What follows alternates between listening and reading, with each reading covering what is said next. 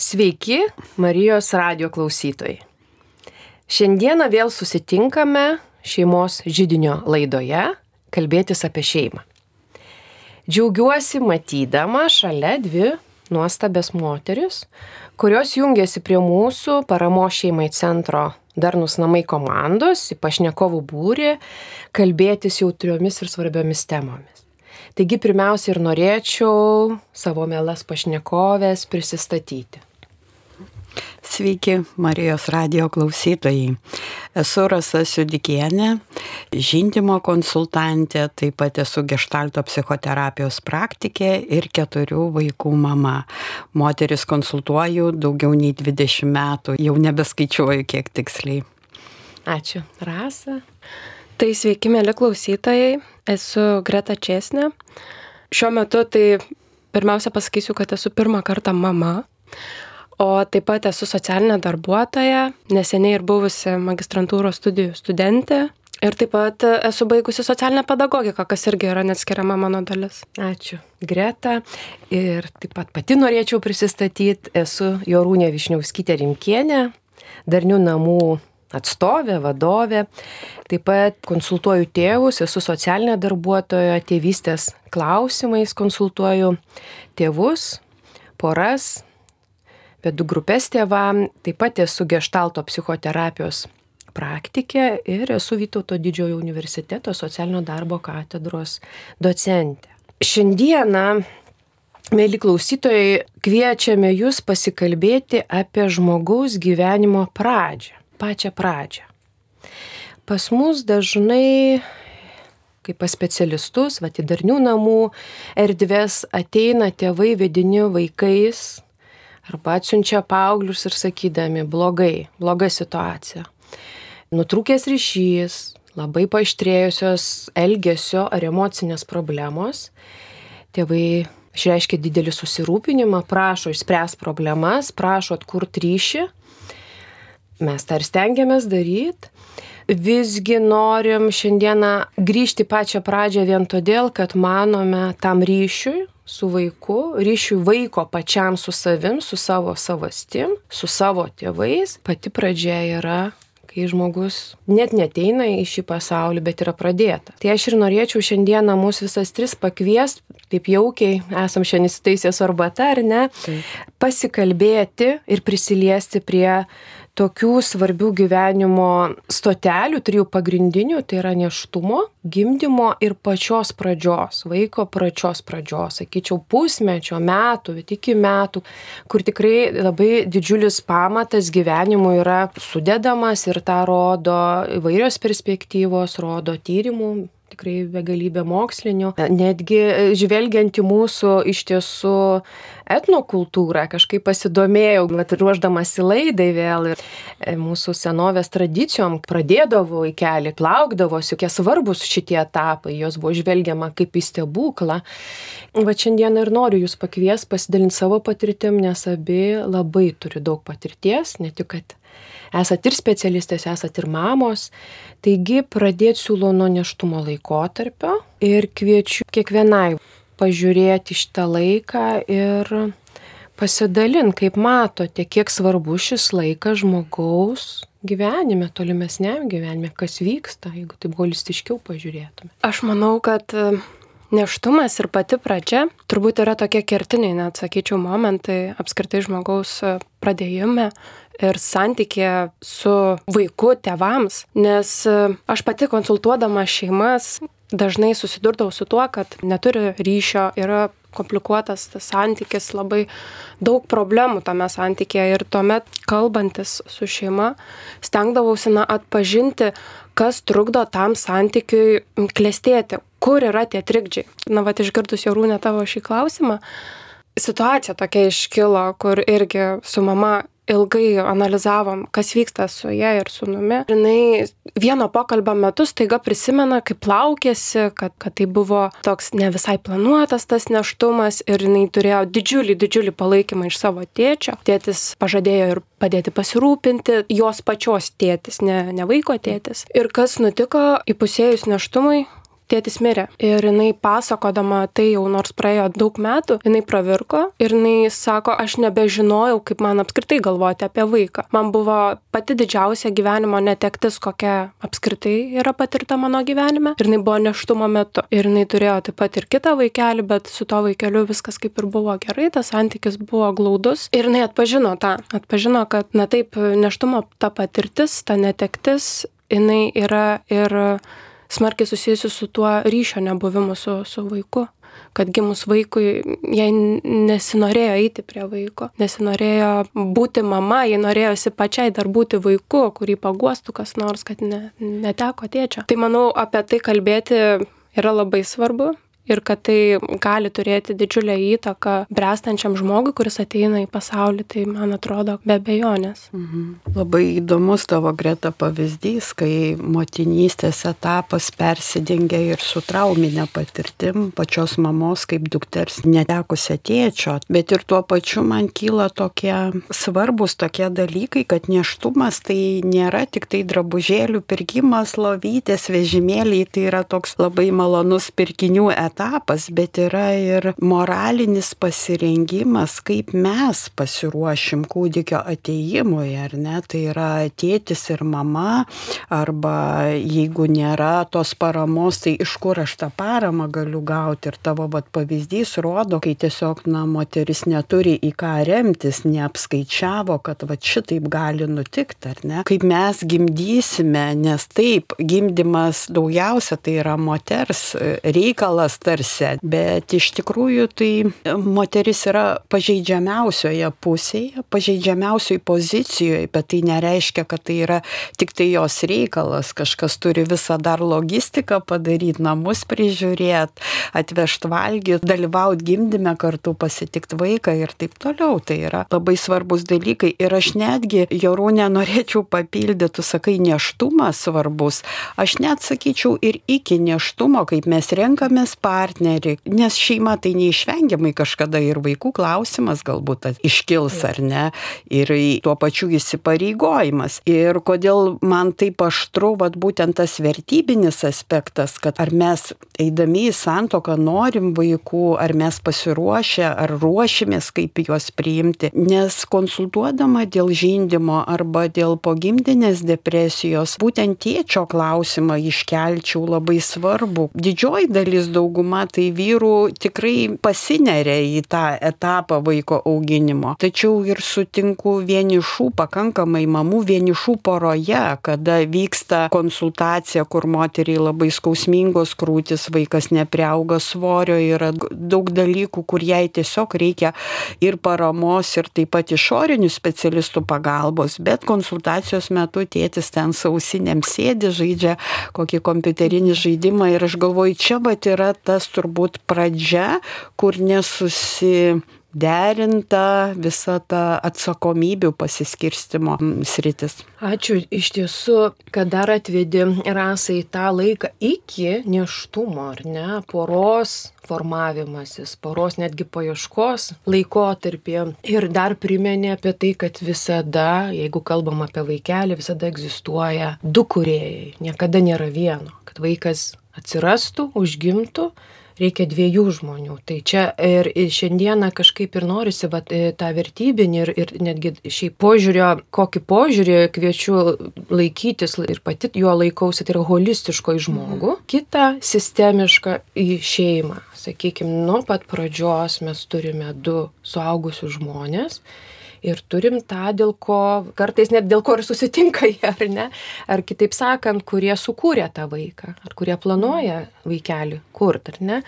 Tai ta trijada, vadinama trijada, ar ne, tai yra mama, tėtis ir vaikas ir, ir ištako iš jos viskas formuoja. Ir tai pradeda darytis dar iki atsirandant kūdikio šioj matomoj plotmėje žemėje, bet mes, vad būtent, aš visgi noriu pasiremti savo mokytojos pirmosios pasaulyje šeimos terapeutės Virginijos e, Satir žodžiais, jis sako, yra trys gimimai. Pirmas yra pradėjimo momentas, kada vat, yra tėvų lastelė suaktyvuoja ateit žmogui į tą vat, dar nematomą pasaulį. Tai yra mhm, pirmas gimimas. Antras gimimas yra, kai žmogus gimsta realiai, ta gimtis, apie ką irgi norėtų nors kiek prisilies šiandien. Ir trečias gimimas, kai pats žmogus tampa samoningu. Ir tai gali būti 20, 30, 40 ar 50 metų, ne, kai žmogus tampa samoningu, kai jis gimsta savimi, su savimi ir su pasauliu, formuodamas sveiką, adekvatų ryšį. Kažkaip, va dar kalbant apie neštumą ir norisi, kad e, ir, ir jūs savo va, pasidalinome,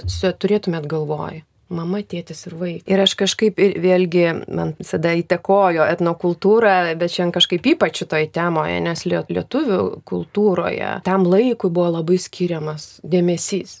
Ir sakykime, kalbant apie lietuvių papročius, kad iš tiesų pirma, kad žmogus buvo sakoma, vienas negali atlikti šito vaidmens, visada reikalinga bendruomenė, net ir ar ne iki neštumo, vestuvės įvedimas, bet vėliau ir pats gimdymas, ir pats neštumas yra begalybė daug papročių prietarų, kaip nešiai elgtis. Ir jinai pati saugosi ir, ir aplinka visą ją saugo, nes tas laikas ypatingas. Aš tai dar norėčiau va apie truputį, dar apie neštumą, vėliau įsime į kitus etapus, kas čia svarbu šitam laikė. Bet ne apie drabužėlius kalbant, bet važiuojant į žmogų holistiškai, kas čia svarbu jūsų nuomonė? Na, man iškilo irgi toks vienas iš pavyzdžių, rašydama savo magistrantūros darbą, turėjau pašnekovės moteris, kurios pagimdžiusios neseniai vaikučius, nuo šešių mėnesių ir daugiau, bet iki metų. Ir man atrodo, kad labai svarbu pradėti nuo to, kaip pati moteris jaučiasi netgi fiziškai neštumo metu. Kalbėti apie tai, nes ta socialinė medija, jinai parodo tos gražius pilvus pilvukus, tas neščiųjų fotosesijas, kaip čia viskas gražu, ar ten tuos kūdikio vakarėlius, vadinamus baby showerius, bet o kur yra tos moteris, kurios yra už ekrano, kurios iš tikrųjų labai blogai jaučiasi. Ir viena iš mano pašnekovų dalinosi, kad nuo penktos savaitės iki pat neštumo pabaigos ją pykino, jinai nuolat vėmė ir gulėjo ligoniniai. Būsena tokia, kur niekas, sako, mano aplinkoje manęs nesupranta, nes niekas taip nepatyrė, vad kitiem buvo lengvesni tie neštumai. Mhm. Ir tada, sako, aš jaučiausi tokia vieniša, tokia nesuprasta, kur negalėjo na, manęs ir, ir tas pats vyras suprasti, sakydavo, gal išeik pasivaikščioti, o sako, kaip man išeik pasivaikščioti, kai aš negaliu pakilti iš lovos. Ir na, moteris ką įvardino, man toks irgi labai esminis momentas, atrodo, kad, sako, aš neturėjau kada galvoti apie vaiką. Aš tiesiog galvojau, kaip man išgyventi, kaip man nenumirti. Aš neturėjau jokio laiko, kada ruoštis, nueiti seminarus, skaityti knygas, nes mano tikslas buvo išgyventi tą neštumą. Man atrodo, kad labai svarbu atkreipti dėmesį į moteris, kaip jos na, jaučiasi tiesiog fiziškai. Iš tikrųjų, gal tikrai tas pykinimas toksai, kad na, žmogus negali normaliai funkcionuoti. O kitas aspektas tai yra tas nerimas kuris prasideda ar ne, na, vis tiek sužinojus, kad laukėsi, žinai, kas laukia po to, dažniausiai įsivaizduoji bent jau, kas laukia po to. Na, mano klaustos moteris visos įvardino, kad ta didžiulė gimdymo baimė visą neštumą lydėjo. Ir ta nežinia, kaip bus, ar ne. Ir kitas dalykas - baimė persileisti, baimė netekti vaikelio. Šitą baimę ir man buvo artima, nes aš pati besilaukdama nuolat galvojau, kad tik nepersileišim, nes buvau jau tai patyrusi. Na, apie tai galbūt taip garsiai mes nešnekam visuomenėje ir pasiliekam kažkaip tą skausmą savo, bet man atrodo, kad labai svarbu tą įgarsinti ir ką moteris išgyvena, kaip tas nerimas ją lydi, apie ką jinai galvoja, ar jinai turi to laiko domėtis, kokia ta bus motinystė, kas laukia vaiko priežiūroje, ar jinai turi palaikymą iš tėčio, kaip tėtis įsitraukia iš tikrųjų, ar jis tik tais materialinę kažkokią funkciją atlieka, ar ją palaiko, išklauso, o gal net ir tos materialinės funkcijos netlieka ir ne, ne, nepadeda daiktus kažkokius įsigyti, nors tai tikrai nėra esminis dalykas, bet vis dėlto irgi reikalingas. Man atrodo, kad labai svarbu net įsigilinti, kas yra moters aplinkoje, kokio jinai pati šeimoje yra, kas jį galės padėti ir, ir be vyro, nes vyras galbūt daug dirbantis ir na, tikrai sunkus etapas galbūt mhm. gali laukti. Mhm. Kas tai sakai pati, ar ne, kad išgirst, atkreipdėmėsi, emocijas, fizinį būvį ir ieškoti resursų aplinkoje. Taip, taip, ir man atrodo, kad labai svarbu, man atrodo, kad kartais trūksta labai to visuomeniai, tiesiog leisti kalbėti moteriai, nepasakoti, kaip kažkam geriau buvo ar kažkam praėjo, bet leisti būti išklausytai ir su tuo visų nerimu pasidalinti, leisti dalintis nerimą, nes mes galbūt dažnai linkę esam pasakyti, kad viskas bus gerai ir viskas praeis ir čia nieko blogo nenutiks. Gal ir to kai kada mhm. reikia, bet leisti išsakyti, taip, taip kas vyksta galvoje, ką mes galbūt kažkokios mintys, na, juodos kyla ir leisti jas išsakyti. Neužsilaikyti, paleisti. Ačiū, Greta, žiūriu rasai mhm. tave. Kaip -hmm. tu mhm. galvoji? Man labai kažkaip patiko tavo tas užduota tokia mintis e, pakalbėti apie tuos virsmus mūsų, tą prigimtinės kultūros dalį, kad e, santoka, neštumas, vaikų gimdymas yra tokios stotelės, kažkokie etapai, virsmai. Tas pagrindinis virsmų dalyvis, ar jis būtų moteris, ar vyras, ar, ar kas visada virsmuose yra labiau pažeidžiamas ir reikalingas tos paramos ir globos globos. Jeigu anksčiau buvo kitos bendruomenės, taip kaip sako, vaikui reikia viso kaimo užauginti, tai dabar mes sakom, kad mama yra pakankamai vieniša, nes aplinkinių moterų nebėra, močiutės dar dirba, dažnai mus skiria miestai ir lieka mama ir tas tėtis tarsi be kalties kaltas turi būti ir psichologų, ir finansiškai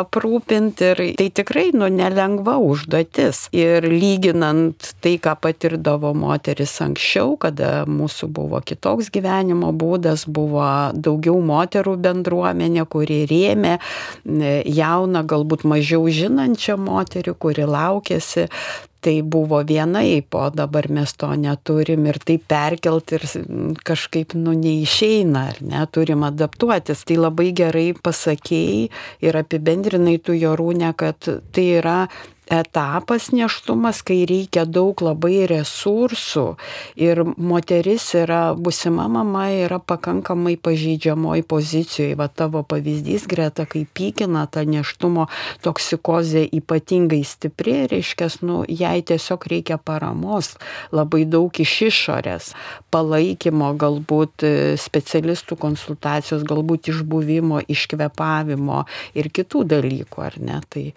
Tai va čia labai nuo, vėl remiamės į tą, kaip yra svarbu turėti ne milžinišką gėlių plokštę, bet žmonės šalia savęs. Graži metafora. Žinot, e, Kalbant dar apie šitą stotelę, mus labai nustebino darniuose namuose, kai kvies pradėjo besilaukiančias poras į konsultacijas, į grupės, tiesiog va tokia prevencija. Ir nustebino, kad mes nesurinkom grupės, realiai vienas žmogus tik tai išreiškė norą. Ir mums kilo didžiulis klausimas, kodėl. Atsimenu pati, kai šitam laikė buvau abu kartus, e, lankėmės ir mokyklėlės lankėm. Ir tas labiausiai ne tik padėjo pasiruošti ir baimės tarp kitko gimdyt visiškai nebuvo jokios. Kaip į egzaminą pasikartoja savo pamokas. Bet vat didžiulis klausimas buvo ar tai rodė kad žmonėm tuo metu viskas aišku ar tuo metu kaip tik galvojom labiau apie gal vat kambario spalvą drabužėlių pirkimą gal apie tą sunkumą ką kalbėjai greta ar ne kad pykina. Nežinom. Bet tas labai didžiai nustebino. Iš tiesų. Ir tada kai matai vaiką mažą ar matai paauglį kada jau nesusitvarko tvarko ar ne tai tada galvoju o o kur jūs buvot anksčiau? Nes visgi ryšys prasideda kada jisai pradedamas kur? Tada kai tu žinai kad tu laukiesi vaikelio. Auklėjimas prasideda ir meilės teikimas tada. Tu abi sureagavot rasa? Tai aš noriu pasakyt kad jūs bandydami surinkti tas grupes greičiausiai pastebėjot lygiai tą patį ką pamatė ir kiti specialistai kurie anksčiau surinkdavo tokias grupes. Aš galiu palygint kad žindymo kursuose būdavo net nesutalpindavau tiek kiek norėjau norėdavo mamų mhm. lankyti. Bet šiuo metu mes stebime tokį socialinį reiškinį, kad viskas persikėlė į virtualią erdvę. Ir ten yra, kaip čia pasakyti, bendruomenės net pagal mėnesius ir neštumo tie patys ir žindimo kursai vyksta virtualiai ir tos informacijos yra tiek daug. Šita rinka yra taip stipriai persotinta, kad jie jau net kartais nebeatsirenka tam bendram triukšme ir priešingai norisi ramybės ir branginti tas minutės, kada niekas neina tą galvą ir nededa ten kažkokios žinių, informacijos ar dar kažko. Ir aišku, tai kažkokį irgi duoda efektą tiek gerą, tiek blogą. Parama labai lengvai pasiekiama, tai yra užtenka ten Facebook'o grupiai prisiregistruoti ir gauna moteris paramą viena iš kitos, nereikia niekur važiuoti ir aiškintis ten ar gilintis į savo subtilybės. Bet ir tuo pačiu yra tokių atvejų, kur gali būti, kad reikia gilesnio požiūrio, daugiau į save investuoti ir čia forumai vargu bau ar padės. Labai įdomu, ačiū. Ačiū Rasa. Greta, ką, ką pati manai? Aš irgi manau, kad Rasos argumentas tikrai turėtų būti tas stiprus, kad viskas persikelia į tą elektroninę erdvę. Viską mes dabar socialinėse medijose galim praktiškai rasti. Ir dar vienas dalykas yra, kad toj socialiniai erdvėje mes matome, kaip dalinasi apie tą gražią motinystę, kaip viskas gražu, tos visos kalėdinės fotosesijos pavergia širdį tie mažylių, irgi tos nuotraukos mažylių įvairiuose krepšeliuose. Ir, ir man atrodo yra toks naivus įsivaizdavimas, kad man tai taip nebus. Man nebus sunku aš susitvarkysiu, mes susitvarkysim, mes visur eisim, vaikas bus labai socialus, mes, nu, va, užmiks vaikas ir turėsim savo gyvenimą ir viskas bus kaip iki tol. Aš manau, kad tai irgi yra stiprus pakankamai argumentas niekur neiti ir tikėti, kad viskas kažkaip savaime susitvarkys. Nu, gal mes neblogai ir taip gyvenam, gal ta mūsų santoka ar ten draugystė buvo nebloga ir viskas čia susitvarkys, man padės gal dar mama, gal dar kažkas padės. Ir tas toks noras, kad na viskas, na kaip sviestų patapta savaime susitvarkytų. Bet na realybė tokia, kad iššokus į tai, dažniausiai laiko jau eiti nebėra. Ir na, va čia tada jau truputį yra tas toks atsitrenkimas į sieną, aišku, laiko atgal neina tada atsukti, bet manau, kad yra tas nenoras eiti galbūt kažkur vien dėl to, kad, na, yra tikėjimas, kad viskas bus gerai ir niekur neinant. Kad yra viltis, kad viskas bus gerai, aš manau, tai nuostabu. Gal šiandieną, va tik norisi paryškinti, kad tas laikas yra toks ypatingas. Nes realiai kaip mama žiūri į save, kaip tėti žiūri, būsimas tėtis į moterį, mes čia pradedam turėti tą pradžią, kaip mes būsim su vaiku sakykime, kiek mama dirba. Ką reiškia mamai dirbti kuo ilgiau? Ne, tai reiškia patiria stresą. Tai yra nepalankios sąlygos. Ir kiek pati mama girdi save, savo kūną, savo emocijas. Ne? Ir kiek tėtis, būsimas tėtis, jei tai pirmas vaikelis, girdi tos, sakykime, norus, ar kaip pati sakė Greta, ar ne, išsakytą nerimą, kiek leidžia išsakyti. Ir čia yra ir moteris girdėjimas, bet ka, kaip ar ne, mes ir sakom, jeigu moteris vidurį nakties sako, noriu kuldūnų, tai vyras turėtų besąlygiškai tą norą atliepti, nes tai iš tiesų kiek tai moters noras, kiek tai yra vaiko poreikis, kad kažkokiu ar tai medžiagų, ar kažko reikia. Tai čia kvietimas yra pažiūrėti tą laikotarpį ne kaip į tą vat, fizinę, materialią pusę, ar ne, bet labiau tokia platesnė, į namus ateis naujas žmogus. Aš iš principo vat, primin noriu apie tą stebuklingiausią pasaulio dalyką. Du žmonės yra pakviesti atvesti šį pasaulį žmogų. Ir kad yra ne tik tai apie materiją, apie drabužėlius, apie kambarį, ar nėra apie keliamus lūkesčius, kaip tas mūsų vaikas turės gyventi, bet apie dabar, kiek aš kaip moteris pradedu supras, kad aš dabar jau tapsiu mama, kiek aš kuriu ryšį dabar Ir yra tyrimai, ar ne, kaip sunkaus gimdymo metu mama dainuodavo ir, ir kai vaikas gimęs po traumatinio gimdymo, girdėdamas mamos dainavimą, girdėdamas tėčio balsą, kurie iki to sekė pasakas, dainuodavo, iš karto sureagavo vaikutis į jų balsą, nes jie iki to jau pradėjo sekti pasakas ir dainuoti, reaguoti į, į judesius, kalbėti su vaiku, pradėti ryšių. Tai kvietimas yra šiandieną primint mums visiems ir ypač tiem, kuriem šitam labai gražiam laikotarpį, kad tai yra laikas pradėti vat kurti, jeigu tai pirmas vaikas savo šeimoje santyki vienas su kitu ir išgirsti vienas kitą emocijas, fizinius poreikius. Aš žinau, žiūriu, e, sakėm, trys stotelės, tai čia galėtumėm dar likti. Ir yra ką veikti, ir ne tam besilaukimo, nes visgi devyni mėnesiai labai ilgas laikas. Aišku, šeima dažnai vėliau sužino, trumpesnis negu devyni mėnesiai. Visgi siūlyčiau truputį pajudėti ir eiti mum kartu į tą stotelę gimdymo. Ir norėčiau vėl abi jūs pasidalinti iš jūsų patirties, abi esat ir mamos, ir abi abi esat praktikė susidūrusios su mamomis, kurios įvairius turėjo išgyvenimus gimdymo ir kaip tai veikia jų motinystė vėliau. Jarūne, aš dar noriu truputėlį dar, taip kaip mes sakom, kad žindimas ir gimdymas yra neatsiejami dalykai, persidengiantis, tai man neštumas ir gimdymas irgi yra persidengiantys etapai ir tai nėra, kad nukirsta kažkas turėjo, turi įvykti, o paskui jau čia po gimdymo vėl kažkas turi įvykti. Tai yra labai gražiai apsijungiantis procesai.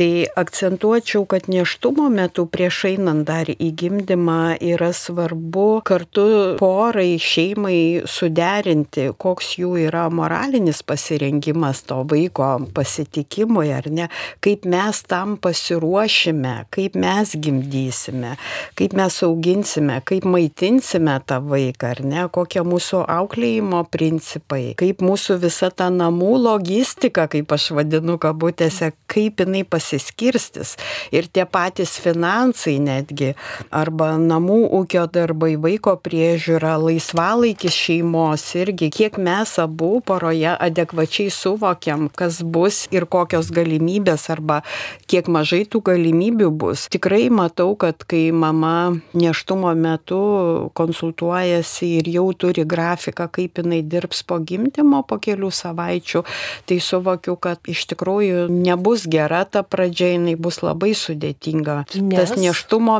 Aha. Nes Paaiškink, čia kiekvienas interpretaciją savo mhm. įdeda, dėl ko jinai nebus mhm. sėkminga, jeigu mama planuoja iš karto. Nes yra etapas, kai mes turime išbūti tam momente, nes vaikas yra, jisai ieško pirmiausiai kūno kontakto pasakos gerai, balsas gerai, taip gimdymos, ant gimdymo stalo vaikutis tik užgimęs reaguoja į mamos balsą, pakelia akis, taip pat pakelia akis į tėčio pusę, kai išgirsta tėčio balsą. Tuo tarpu iš šalia esančių medikų balsus nereaguoja. Tai yra naujagimiam palankių ligoninių jau žinomas šitas tyrimas labai plačiai ir jau seniai jos tik tai nauji tyrimai tik tai pakartoja tą patį, kad vaikas vaikas tėvus jau pažįsta užgimęs. Ir čia dar diskutuotinas klausimas, ar tikrai ten tik tai per pasakas ir dainas, manau, kad net ir būtiškai, kalbant ramiai, diskutuojant, vaikas jau žino, pas ką jisai ateis. Tai vad, sakyčiau, tas pasiruošimas gimdymui apima labai daug ir čia svarbu suvokti, kad einam į labai tokį jautrų etapą, kada moteriai sukyla visa hormonų sistema, kaip sakau, kunkuliuoja hormonų puodas ir tėtis yra tas stabilus socialinis kontaktas, kuris atlaiko tą nestabilumą ir padeda. Arba atlaiko, arba Na, Nebūtinai pasiruošęs, bet va čia tikriausiai, ką, ką sakai, tai kvieti. Kviečiu, turėt galvoj, taip. kad reikės pasiruošti. Taip. Reikia kažkur tada tėčiui įsižeminti. Taip, ir tada, kai vaikas 24 valandas per parą ant rankų, tada yra labai sunku stabilizuotis, tada jau yra, kaip sakau, kova, mūšis ir mhm. išgyvenimas, ar ne, ten ypač to pirmojo mėnesio. Ir, ir labai svarbu susiderinti veiksmus, taip, jeigu mes einam į kažkokius specialius kūrybinius dalykus prieš tai mokomės, tai svarbu yra pasiruošti visai ir žiniomis, ir morališkai, ir susiderinus veiksmus poroje. į gimdymą, tai mhm. poroje. Ačiū Ras ir kažkaip žvelgiu gretai pačią, kaip pati va šitą etapą matai. Tai iš tikrųjų vėl noriu grįžti truputėlį prie savo pašnekovių, kurias likdama magistrinį darbą kalbinau. Man labai įstrigo tai, kad partneriai jiems buvo viena esminė dedamoji gimdymo metu. Ir kad tai buvo pagrindinis palaikymas, kad partneriai padėdavo ir su gydytojai susikalbėti, atstovauti jų balsą, kai joms būdavo itin sunku, kai skausmas tiesiog, jeigu imdavo viršų ir būdavo tikrai sunku pačiai kalbėti, tai vyras tą padarydavo. Net vyro buvimas šalia tiesiog nieko nedarant, nu, va, joms vis tiek tai buvo didžiulė pagalba. Mane džiugino tai, kad vyrai, na, kai kurie iš tų, kurio, kurias moteris pakalbinau, jie buvo ir pasirengę, ir, ir pasiruošę, ir tada žinojo, kaip jiems elgtis, ir jos buvo pačios maloniai nustebintos, kad jos na, gavo tą pagalbą tokią gan įvairią iš savo vyrų. Ir kas man dar labai suskambo ir tiesiog tyrinėjant tą temą, tikrai radau mokslinių tyrimų, kad esminis dalykas yra labai ir personalo elgesys. Gimdymo metu buvo įdomu atrasti tai, kad net jeigu moteris ir patiria iš tiesų ten daug intervencijų, ar ne, kurių tarsi ir nelabai labai norėtų patirti, bet jeigu personalas paaiškina, kodėl tai buvo reikalinga, kaip kas galėjo ar ne įvykti ir yra tas dialogas su moterim apie tai, kas vyksta, kas daroma su jos kūnu, jinai tą gali išgyventi pakankamai teigiamai gimdymą. Gimdymo patirtį. E, mano kalbintos moteris irgi buvo vat, dvi moteris, kurios patyrė Cezario pjūvio operaciją. Ir viena dalinosi, kad tiesiog buvo labai chaotiška visa aplinka, tas e, gydytojų elgesys ir bendravimas jos netenkino ir, ir nebuvo tarsi dialogo su ją pačia, pasitarimo, informavimo, kas yra daroma. Iš tiesų, kas laukia po to, jinai turėjo labai tokį juodą neigiamą prisiminimą apie savo gimdymą, apie savo gimdymo patirtį. Ir kita moteris, kuri taip pat patyrė Cezario pjūvio operaciją, bet po tos operacijos buvo dialogas su gydytojais ir aptarimas, ar ne, dėl ko tai buvo svarbu. Tai buvo tokia ekstra situacija, kai reikėjo ar negelbėti ir vaikelio gyvybę, ir mamos gyvybę, ir tiesiog to reikalavo. Ta išgyveno kaip teigiamą atsiminimą, kad tai buvo reikalinga. Ir man atrodo, na, va, čia žinutė turbūt tiem, kas yra šalia moterų, kurios gimdo. Slaugutė ar ne, akušerė, na, bet kas, kas yra šalia moters, yra svarbus kiekvienas žodis, man atrodo, tuo metu, nes moteris yra ypatingai pažeidžiama, ypatingam hormonų įkarštyje, ypatingam savo gyvenimo pokytyje. Ir tikrai tuos žodžius, ką mes sakome, jie gali, na, tiesiog nusėti labai giliai pasąmonėje moteriai. Tai man atrodo, kad tai žinutė tokia, kad, na, tas dialogas būtų vis dėlto. Mhm. Norėčiau dar papildyti tave, Greta, kad moteris, kurios gimdo, na, jos savo gimdymus ant rankos pirštų gali suskaičiuoti turbūt. Tai vad irgi labai svarbu, kad medicinos personalas gali sukurti, net ir esant labai komplikuotam gimdyme, gražią tą prisiminimų grandinę grandinę arba gali ją labai stipriai užjuodinti. Ir aš suprantu, kai gimdymų labai daug ir jie vyksta naktį ir yra nuovargis ir sudėtingos situacijos, gali pritrūkti tos kantrybės. Bet vis tik tos skaudžiausios replikos, kurias mamos atsineša į psichoterapinės konsultacijas, būna visiškai ne tais momentais, o tokiais praeinant arba netliekant kažkokiu tai pareigų, atsikalbinėjant, kai Gal moteris ieško pagalbos. Pavyzdį? Na, pavyzdžiui, ten ieško pagalbos, jai tvinks vyksta krūtis, jinai nežino, ką daryti ir tuo metu sako, nu jau, nu jau, taigi čia jau tavo antras vaikas, žinai, tu jau čia visus gali pamokyti. Arba šaltomis rankomis tiesiog grubiai prieina, sako, tu neturi čia to pieno arba dar kažkaip, na, žodžiu, tai yra ir privatumo tokio, nu, kažkoks tai su, pažeidžiama. pažeidžiama moteris tuo metu, tai toksai neetiškas galbūt elgesys. Aš tai nesmerkiu, suvokiu, kad gimdymo namų personalas personalas iš tikrųjų, na, dirba labai sudėtingomis sąlygomis. Ir ten, kaip tu sakai, greta, moteris irgi labai pažeidžiama ir jie patys dirba padidinto krūvio sąlygomis. Tad važiuoja vienas pacientas, išvažiuoja du ir juos abu reikia išleisti sveikus. Tai suprantama, bet galbūt aš manau, kad personalui tiesiog palinkėčiau pažiūrėti iš tos neprofesionalios, bet iš žmogiškos pusės, kad tai yra, jūs liečiatės prie moterų, kurios dabar yra ypatingame etape ir galite įeiti į jų gyvenimo istoriją kaip gerieji, nežinau, angelai, žmonės, angelai. angelai. Norėjau pasakyti angelai.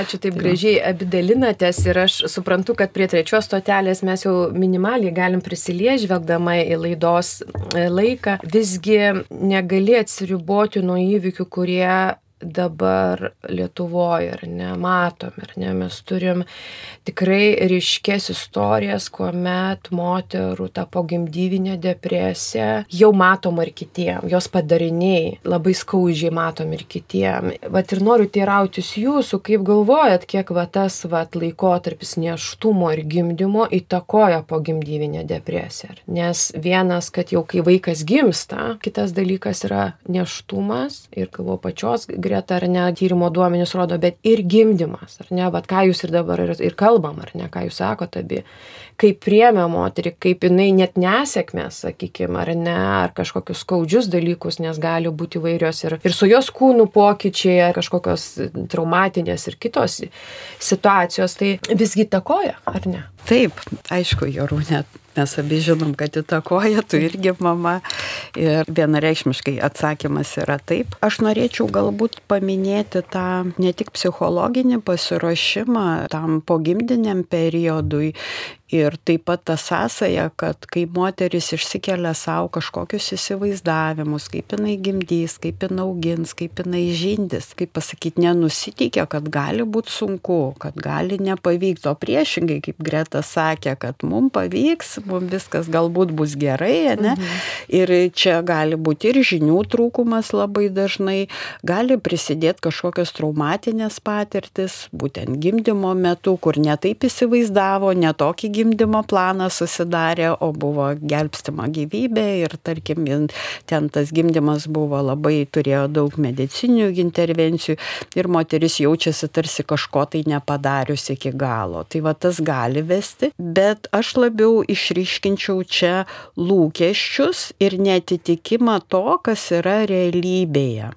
ir tarsi tokia kalties nešimasis, kad vad kitom pavyko, kitos va turi gražias fotosesijas ir viskas tobulai, vaikai krepšeliuose tarp gėlių ir kalėdinės fotosesijos ir ten jau vaikai valgo tą ir tą, daro tą ir tą, galvytę kelio kojytę griebę ir žodžiu viskas tobula, o mano vad emocijos banguoja, man skauda, save nuvertinu, galbūt kaltinu, čia toks užsisuka ratas, kuris veda į tą nestabilę emocinę būseną, kada vaikas gali nebedžiuginti ir motinystė nebedžiuginti. Tai būtent dėl to skirtumo tarp to, kas yra įsivaizduota arba ką vaizduoja sociumas aplinkui ir to, ką pati moteris patiria asmeniškai.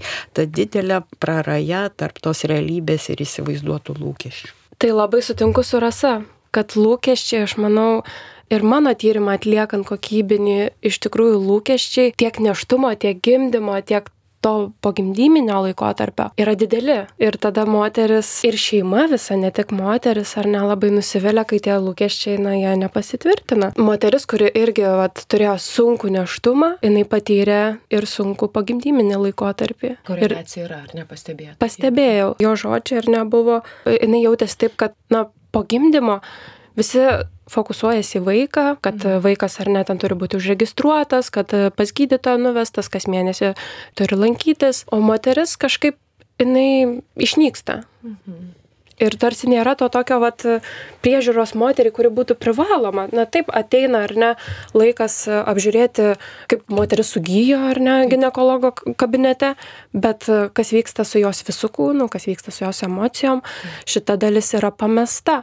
O kitas dalykas, va ir moteris, kuri patyrė sudėtingą gimdymą, jinai dalinosi, na, labai sunkiom emocijom ir, na, va, jo žodžiai. Pajaučiau, kad gal nėra man meilė savo vaikui. Jis buvo šitiek lauktas, mylėtas, čiučiuotas. Ir jis gimė ir aš žiūriu, kaip man jo ir nereikia. Nei to vaiko, nei nieko nereikia. Ir šitoj vietoj na, vad kalbantis tą moterim, klausyti, tai kaip toliau vyko ta situacija, kaip toliau jinai gyveno.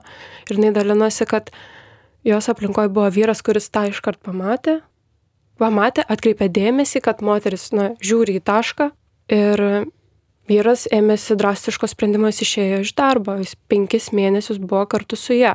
Tai buvo labai rimtas ar net toksai poelgis, suprantu, kad ne kiekvienas galbūt turi galimybę tai pasielgti, bet e, jinai sako, aš nežinau, kuo būčiau šiandien, ar aš tebe būčiau, jeigu, na, vyras nebūtų taip pasielgęs ir aš manau, na, ta artima aplinka vis dėlto ją reikia remtis ir jie turi pamatyti moterį. Manau, kad Lietuvoje dar nėra tos kultūros, kad žmogus pats ateina pas specialistą. Arba labai retai tai vyksta, dažniausiai, kai jau kažkokios rimtesnės bėdos. Žinot, ačiū abiem e, už atsakymą į šitą mano konkretų klausimą ir visgi jau po truputį norėčiau kviesti į apibendrinimus. Mes tik prisilietėm prie trečios stotelės, tik prisilietė mūsų vaikelis, tik gimė ar ne, ir, ir jau prasideda viena ar kita tema galėtų ateiti ir jų yra begalybė, bet manau, kad tą trečią stotelę mes paliksim kitai laidai, ar ne, nes tas kūdikystės laikotarpis ir, ir labai svarbus. Ir aš visgi prašyčiau kiekvienai dabar pabandyti trumpai, vat, apibendrint, ką, ką norėtumėt iš šitos laidos ką gal palinkėt norėtumėt mūsų klausytojams? Aš norėčiau palinkėti kiekvienai mamai, tai pirmiausiai, kad stipriai apsikabintų save, pastiprintų save, nes jūs esate dabar tokiam sudėtingam, sakyčiau, sunkiam etape, bet nepamirškite, kad praeis kažkiek tai metų ir jūs į savo vaiko kambarį negalėsite įeiti nepasibeldę. Tai, tai žodžiu, šitą labai noriu pasakyti, kad tai nesitęstas, betarpiškas toksai priežiūros etapas ir, ir kūdikio auginimo etapas visada, jisai lengvės. Ir taip pat noriu akcentuoti kiekvienai mamai, tai yra kūno santyki, oda oda santykio kontakto svarbą, ant ko statoma visa žmogaus asmenybinė raida, kad labai svarbu yra mamai kuo daugiau apsikabinti savo vaiką ir duoti kūno kontaktą. Tai yra ne fotosesijas, ne pirkiniai, bet būtent vaikų apsikabinimas, kad vaikas auktų su vidiniu stubru ir kad jisai žinotų, jį žiūri mylinčios mamos akis. Ačiū gražiai, rasa pabaigai. Ką grėta norėtum palinkėti? Man tai ko norėtųsi palinkėti, na aš ir pati, kadangi turiu beveik šešių mėnesių kūdikėlį, tai mano būdavo pirminė frazė, kad nesidžiaug radęs, neverk pametęs, nes vis pasidžiaugdavau, kad vaikas miega ir tada pradėdavo nemegoti.